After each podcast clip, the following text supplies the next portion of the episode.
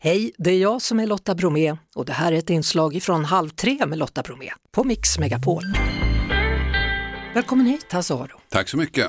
Du är aktuell med krimpodden Fallen jag aldrig glömmer på Podplay, men framförallt då kanske känd från Efterlyst där det blivit 60 säsonger. Ja, Herregud, det är helt sjukt. ja det är det faktiskt. Var var kommer det här krimintresset ifrån? Nej men jag har alltid varit eh, intresserad av, av krimhistoria. Varför vet jag inte. När jag, var, när jag var väldigt liten, lite mindre än de flesta då, så läste jag alla Sherlock Holmes. Sen när jag blev lite äldre så läste jag eh, Börje Heds alla, eh, han skrev ju väldigt mycket om brott och sådana saker också. Hade jag förmånen att få träffa honom på Radio Stockholm när jag jobbade där, när vi gjorde nattradio, då kom han dit och berättade krimhistorier från Stockholm. Och där någonstans föddes mitt intresse. Men, men har du någon gång haft en önskan att jobba som polis själv? Jag, jag gjorde ju lumpen som marinpolis. Efter det så när man muckar så blir man lite så här, jaha, vad ska jag göra nu med resten av mitt liv? Så då gick jag faktiskt på en sån här informationsträff på polishuset på Kungsholmen. Och av någon anledning, jag fattar inte varför, så när det var slut så pekade eh, en av eh, poliserna där, pekade han på mig och de två som satt bredvid mig. Och så sa han, ni tre, stanna, stanna. Så kom han fram till oss och så sa han, alltså ni ska söka, ni kommer att komma in, jag lovar. Och där någonstans blev jag skitskraj så att då släppte jag den tacken. Vad blev du rädd för då? Jag vet inte. Jag vet faktiskt inte vad jag blev rädd för. Men det kanske var under mötet. Ja, jag vet inte. Men jag bestämde där och då att nej, polis ska inte bli. Nähä. Och det var väl så här i efterhand ganska bra val. Över 100 avsnitt podd och sex säsonger efterlyst. Det är liksom så här, har du någonsin tankarna på något annat än krim? Ja, det har jag. Alltså, det låter ju när man, när man eh, radar upp det som du gör nu så låter det ju som om att eh, det här är allt jag har gjort i hela mitt liv. Men det är det ju inte. Det här har ju faktiskt tagit en del av mitt liv. Eh, jag har ju då speciellt när det gäller tv, när jag eh, på förut så gjorde jag ju massa andra saker och producerade olika program och var ute och reste och sådär. Så att Efterlyst har, har aldrig varit 100% av min arbetstid utan ibland har det varit ganska lite att jag bara kommit in på de dagar när vi, har när vi sänder, skriver mina manus och så eh, leder jag programmet. Det sägs att det är det tv-program som har sänts längst tid med en och samma programledare. I Sverige, ja jag tror det, jag vet inte. Nej. Nej. 30 år som du har varit med, tycker du att brottens karaktär har förändrats? Det har ju förändrats jättemycket. Jag tänkte på det nu, skiftet mellan 90 och 2000-talet när det var otroligt mycket värdetransportrån av olika saker. Antingen rånar man själva transporten eller så rånar man på växlingscentraler. Det är ju helt borta nu. Det händer ju aldrig. Mest beroende på att det finns inga pengar att råna längre. Nu har du istället två typer av eh, brott som har ökat betydligt. Dels är det ju kriminaliteten, den här gängskjutningen och sådana saker. Men sen har du också bedrägerier, så här internetbedrägerier och telefonbedrägerier har ökat väldigt mycket. Är det något fall under dessa år som har etsat sig fast hos dig? många fall som har etsat sig fast. Många fall, framförallt när det är barn. Eh, sen så eh, finns det ett fall i Södertälje, en kvinna blir mördad där av en man som var väldigt speciell och som skrev ner alla sina tankar. Han hade en dagbok så att när, när han väl åkte dit så kunde man läsa precis hur han tänkte, hur han resonerade, vilket var fascinerande. Och, för att han var ju väldigt speciell, men ändå få den inblicken i den i en sån människas tankar. Och sen är det ju då utredningar av olika eh, slag som man blir lite imponerad av hur de har löst. Till exempel i Kristianstad så var det ju då dubbelmord där som löstes för att polisen var väldigt kreativ. Och så har du ju förstås eh, Palmemordet som aldrig löstes. Nej. Tror du att det är löst? Det är inte löst, nej. Tror du någonsin det blir löst det där? Eh, nej. Alltså Hasse Aro som är dagens gäst här i Halv tre. Och du har ju beskrivit som bovarnas skräck i välsittande kostym och med en myndig stämma. Jaha. Känner du igen dig i det? Jag har ju haft genom åren då så har jag ju träffat på en och annan person som jag har haft med i programmet. Jag måste säga överraskande ofta så har de varit positivt inställda till mig. Så att det är, någon gång är det någon som har varit sur för att jag har hängt ut dem och sabbat för dem. Men eh, jag måste säga att de flesta som jag träffat har ändå haft en ganska positiv inställning. Det var ju också så, jag vet inte hur det är idag, men förr var det ju så när man höll på med de här spektakulära rånen, att om vi tog upp ett rån så var ju det bekräftelse på att det var något udda, det var något annorlunda. Så då blev det en liten bekräftelse för de som hade genomfört det. Men visst var det så att polisen var lite skeptisk till Efterlyst i början? I början var de jätteskeptiska. Det var ju Robban Aschberg som drog igång det här programmet en gång i tiden och eh, så sålde han in idén till rikspolischefen Björn Eriksson och så körde de igång men de, vanliga poliserna, utredarna och sånt där, de var väldigt skeptiska. Det fanns ju då en väldigt tydlig motsättning mellan journalister och poliser eh, som kanske inte är lika tydlig idag. Och det var ju så att vi fick väldigt ofta ringa till Björn och säga nu vägrar de släppa det här, kan du? Och så fick han ringa och så där. Så var det i början. Ja, han är ju bra på att prata. Han är väldigt bra på att prata. kan man säga. Men hur fick ni med er allihopa till slut? Då? Det var en väldigt tydlig tidpunkt när det hände. För det var nämligen när vi löste det första mordet som var ett mord som skedde i det som då hette Lugnets industriområde som idag är Hammarby sjöstad i Stockholm. Och där var det en man som hittades död vid en bil. Så tog vi upp det och berättade om detta. Vi hade med eh, barnen till, i alla fall ett av barnen till, till offret. Och då sitter en kvinna och ser det här och blir väldigt rörd och hon vet att det är hennes pojkvän som är mördaren.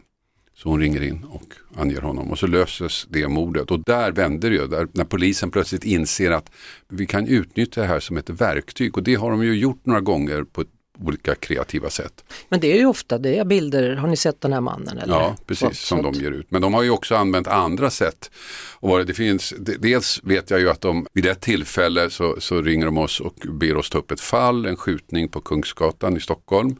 De vill att vi tar upp det vid särskild tidpunkt och de vill liksom att vi ska, de, har lite nya uppgifter som de vill gå ut med, så gör vi det. Vad vi inte vet då är att de har ju en misstänkt som de har en telefonavlyssning på och så märker de hur han reagerar och den här avlyssningen blir en väldigt viktig del i rättegången sen mot honom. Så mm. där använder man dem. Vid ett annat tillfälle så var det ett rån där polisen också ber oss eh, ta upp det här rånet igen och de vill komma till studion och prata om vikten av att hitta flyktbilen. De har ett bra signalement på den här flyktbilen. Så han kommer dit och så berättar han, eh, ja det, får vi tag i den här då, då tror jag att vi har kommit lång väg. Det kanske finns fimpar med DNA, fingeravtryck. Så alltså det är väldigt mm. viktigt för oss att få tag i flyktbilen. Den behöver ju inte vara så välstädad. Vad vi inte visste var, var att de visste redan var flyktbilen var någonstans. Så de, den stod ju på ett ställe, de hade span på det. Förövarna hör det här och tänker, fan, har vi städat den där? Ja, men vi måste sticka ner och kolla. Så de sticker ner till flyktbilen var polis, varpå polisen griper dem. Så det är två kreativa sätt att använda sig av Efterlyst för utredare. Så man kan konstatera att ni har ganska nära samarbete med polisen? Ja, nu har vi det. Saknar du eh, din gamla parhäst Leif GW Persson? Jag saknar både Leif och uh, Brynolf. De var liksom roliga att jobba med båda två på, på sitt sätt. De var liksom på ett sätt lika, på ett sätt helt olika. Det var roligt. Så du saknar dem? Ja. Men du har ju gjort mycket mer än Efterlyst. Till mm. exempel så var du med och skapade en, en tidig dokusåpa, Villa eh, Medusa. Jajamensan. Ja. Hur tänkte du där? ja, det undrar jag också när jag satt där på Mykonos. tänkte jag. Nej, det var jag och min kollega Anna Tottmar som satt, för då hade precis Robinson startat och så tror jag att uh, Big Brother också hade startat, fast inte i Sverige men utomlands. Och så satt vi och tänkte att vi skulle göra någon seriös dokusåpa. Så vi tänkte att vi tar ett gäng ungdomar och så får de åka en sommar till ett ställe i Europa.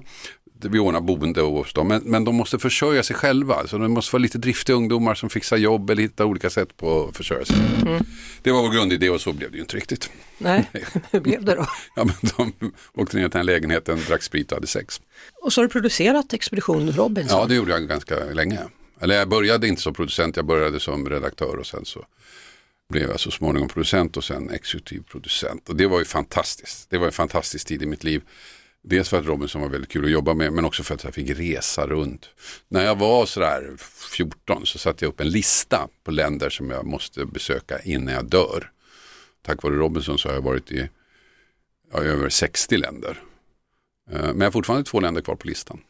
Vilka är det? Vilka är kvar? Kina och Japan. Ja, Kina vet jag inte, kommer man någonsin dit? Jag blev utslängd från Kina faktiskt. Jaså? Ja. Vad hände då? Varför ja, men jag var i Hongkong och eh, på, då var det ju så att man kunde ta tunnelbanan till gränsstationen. Man fixade ett visum där så gick man över till Kina. Så det trodde jag, så att jag åker till gränsstationen, lämnar Hongkong, går över till kinesiska delen. Då visar det sig att det är OS det året. Och då har de ändrat visumreglerna så man är tvungen att fixa ett visum innan man kommer. Så då blir jag faktiskt eskorterad tillbaka till Hongkong med beväpnade vakter. Det var ju synd. Ja, det var ju lite tråkigt. Så Men du har i alla fall haft en fot på marken? Ja, nästan. Ja, nästan. nästan. Ett halvt mm. streck. Mm. Du fyllde ju 65 här nu för ett tag sedan, men pension är mm. inget du tänker på? Nej, helst inte. Nej. helst inte. Nej, men eh, just nu lever jag ganska bra. Jag jobbar ju inte fulltid utan jag tycker att min tillvaro den är väldigt väl avvägd just nu. Tycker mm. jag. Och under hösten så är du aktuell På spåret då, ihop med Camilla Läckberg. Ja. Känner ni varandra sedan tidigare? Det gör vi. Ja. Vad är det som funkar bra mellan er? Nej, men det var hon som, eh, hon blev tillfrågad av eh, då, På spåret-redaktionen och hon föreslog mig som partner. Så att, då ringde de och frågade och då tyckte jag, ja vad fan, det gör vi. Så tänkte vi då att ja men det viktiga är ju kanske inte att vinna för det kommer vi inte att göra, men att ha trevligt. Så att eh, vi började med att gå ut en kväll och ta en barrunda och lära känna varandra på riktigt. Och sen så åkte vi ner och vi hade väldigt trevligt. Är det ett program som du brukar följa själv? Ja. På fredagskvällar? Ja. ja. Så var det en dröm då att vara med eller? Kanske mer en mardröm än en dröm, men ändå liksom, det är ju, det är ju väldigt svårt. Ja, vad ska du göra i jul? Jul är ju för mig, det börjar gå över, men jag har alltid tyckt att jul var lite jobbigt. Det är så mycket förväntningar, det är så mycket, hur man än vrider och vänder på sig eh, så är det alltid någon som är besviken och sånt där. Så att, eh, men i år ska vi ta det lite lugnt och uh, vara hemma mest. Vissa jular så har vi åkt bort, vilket är, tycker jag är ett bra sätt att fira jul på. Mm. Har ni gran hemma du? Vi är väldigt tidiga med granen. Vi kör, alltså min fru fyller ju år då i mitten av december så att vi börjar då. Och så kör vi stenhårt fram till juldagen, sen åker allt ut, sen är vi klara. Till juldagen bara? Ja, ja. Inte längre än så? Nej, sen är det färdigt. Liksom. Ja. Vill du hjälpa oss att klä våran gran då? ja, hur då? Ja, du ska få se. Då kan du välja vad det är du vill sätta upp här. Ja, tomte och snögubbe där, nej Ja. tack. Här har du någon julkaramell och jultårta, nej tack. Och så här har du två tomtar, nej tack. Men sen har du två fåglar här också. De tyckte jag var fina, så de tar jag också. Ja, det var dem. Det var det. Tack så mycket för att du ville komma hit. Tack så mycket. Så det var det. Vi hörs såklart igen på Mix Megapol varje eftermiddag vid halv tre. Ett poddtips från Podplay. I podden Något Kaiko garanterar östgötarna Brutti och jag, Davva, dig en stor dos skratt. Där följer jag pladask för köttätandet igen. Man är lite som en jävla vampyr. Man har fått lite blodsmak och då måste man ha mer. Udda spaningar, fängslande anekdoter och en och annan arg rant. Jag måste ha mitt kaffe på morgonen för annars är jag ingen trevlig människa. Då är du ingen trevlig människa, punkt. Något Kaiko, hör du på Podplay. Därför arkadeinerna.